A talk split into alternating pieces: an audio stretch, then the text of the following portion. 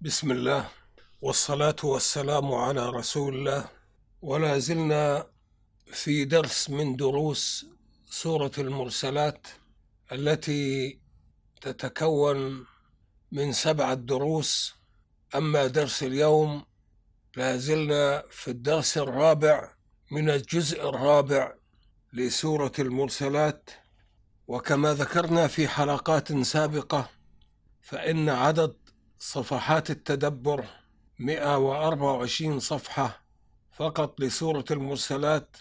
أما درس اليوم وهو الجزء الرابع يبدأ من صفحة 603 إلى 619 ويشمل هذا التدبر الآيات من 29 إلى 45 وهذا التدبر من المجلد الثاني من كتاب معارج التفكر ودقائق التدبر وهو تفسير تدبري للقرآن الكريم بحسب ترتيب النزول أي نزول السور وفق منهج كتاب قواعد التدبر الأمثل لكتاب الله عز وجل.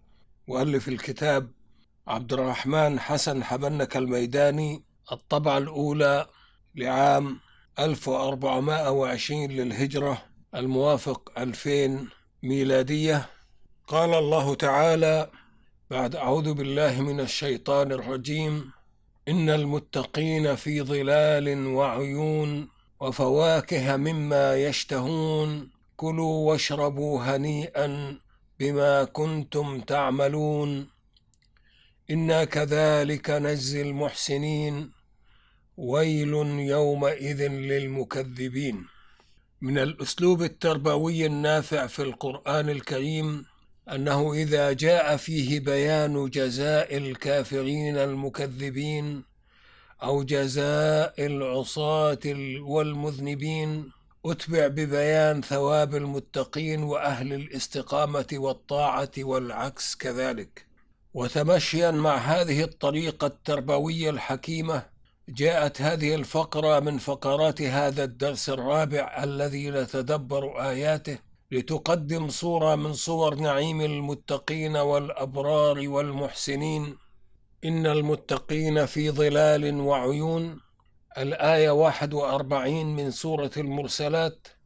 جاءت هذه الجملة مؤكدة بمؤكدين.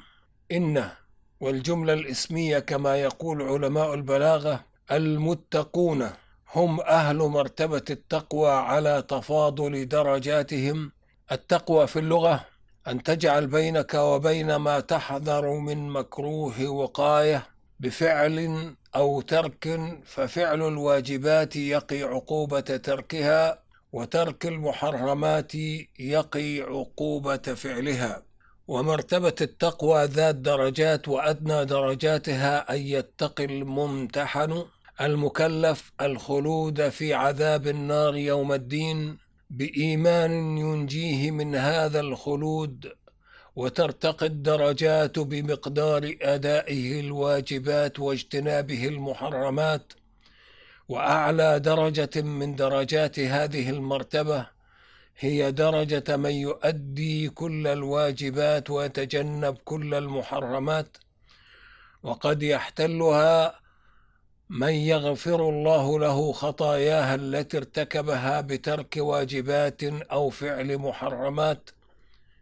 إذا علم الله بحكمته أنه أهل لأن يحتلها كأن يتوب ويستغفر أو يفعل من النوافل ما يمحو به الخطايا فالحسنات يذهبن السيئات بفضل الله وغفرانه وعفوه وتأتي مرتبة البر فوق مرتبة التقوى وهي أيضا ذات درجات كثيرات ويرتقي في درجات هذه المرتبة من يتوسع في فعل النوافل من الصالحات التي رغب الله فيها دون إلزام. ورتب على فعلها ثوابا جزيلا للمتطوعين دون أن يرتب عقابا على تاركيها.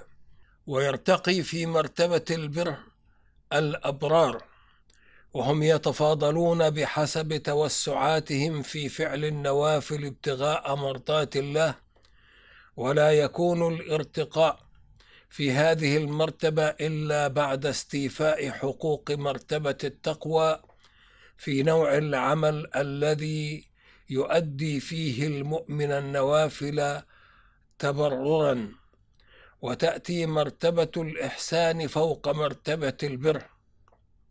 وهي ذات درجات كثيرات أيضا والإحسان يكون بأن يعبد العبد ربه كأنه يراه. فهو إتقان في عمل العبادة مع غاية الإخلاص لله عز وجل وابتغاء مرضاته ويرتقي في مرتبة الإحسان المحسنون وهم يتفاضلون على مقادير إحسانهم في عباداتهم لربهم وابتغائهم رضوانه. ولا يكون الارتقاء في هذه المرتبة إلا بعد اجتياز مرتبة التقوى فمرتبة البر في نوع العمل الذي يؤديه العابد لربه. وأهل هذه المرتبة المرسلون والأنبياء ويصل إلى بعض درجاتها الصديقون والشهداء والصالحون من المؤمنين المسلمين لله رب العالمين من غير الأنبياء والمرسلين. قوله تعالى في ظلال وعيون أي في جنة ذات ظلال وذات عيون تجري منها أنهار.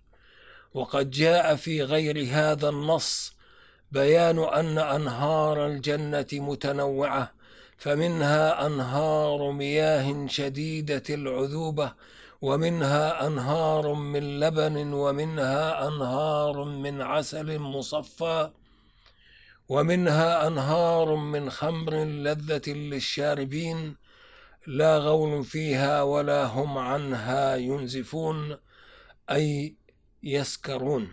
ذكر الظلال كناية عن وجود قصور وأشجار باسقات تعطي ظلا دائما واستعمال الجمع ظلال يدل على أنها ظلال متنوعة من أشجار وقصور كثيرة الأنواع على خلاف ظل الدخان الذي يكون لأهل النار وذكر العيون كناية عن وجود أرض تتفجر فيها هذه العيون وكل ذلك كناية عن الجنة التي أعدها الرب جل جلاله لسكن المتقين الخالدين فيها يوم الدين ولسكن الأبرار والمحسنين فهم متقون وفوق المتقين. وظاهر أن استخدام هذه الكنايات هو من أساليب البيان غير المباشر وهو من أساليب البلغاء الرفيعة. قال الله تعالى وفواكه مما يشتهون الآية 42 من سورة المرسلات وذات فواكه مثيرة لشهواتهم وملبية لرغبات شهواتهم أن يأكلوا منها متنعمين. فواكه جمع فاكهة وهي تطلق في اللغة على كل الثمر ومنه التمر والعنب والتين والرمان إلى سائر ثمرات الأشجار اللذيذة المثيرة لشهوات الآكلين مما يشتهون أي من جملة ما يشتهون أن يتنعموا به في الجنة من في مما للتبعيض وفي هذا إشارة إلى مشتهيات أخرى لا تحصر ينعم الله عز وجل بها أهل دار كرامته. في مقابل بيان أوصاف مكان المكذبين في جهنم يوم الدين بأنهم يكونون في ظل ذي ثلاث شعب لا ظليل ولا يغني من اللهب إذ يكون من يحموم وهو دخان نار جهنم الأسود. جاء بيان صفات مكان المتقين في الجنة يوم الدين على طريقة مقابلة الأوصاف بأضدادها من أجناسها فالمتقون في جنة ذات ظلال وعيون متدفقة بالمشارب فهي ظلال باردة وكريمة مع مرافقات تنعيمية أخرى. وعبارة في ظلال وما عطف عليها تشعر بأن المتقين محاطون بوسائل نعيمهم إحاطة الظرف بالمظروف فيه. وبهذا الجزء ننهي هذا التدبر من الجزء الرابع من تدبر سورة المرسلات. ونستودعكم الله الذي لا تضيع ودائعه. والسلام عليكم ورحمة الله وبركاته.